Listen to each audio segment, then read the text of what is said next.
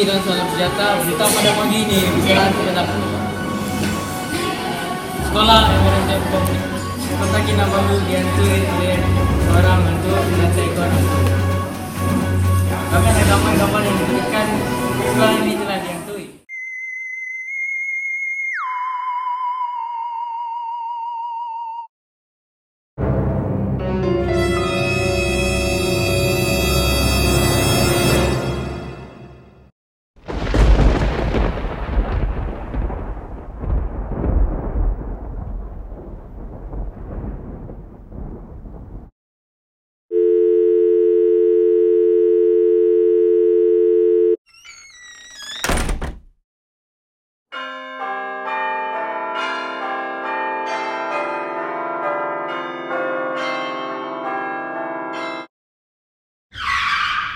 nonton video-video gambar tersebut apakah perasaan anda?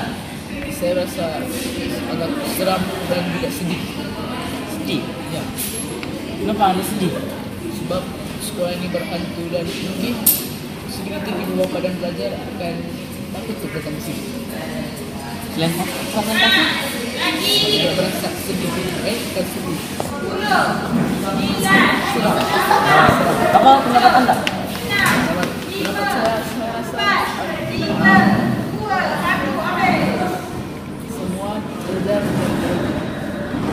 adalah sabar dengan kejadian ini Oh. apakah harapan anda?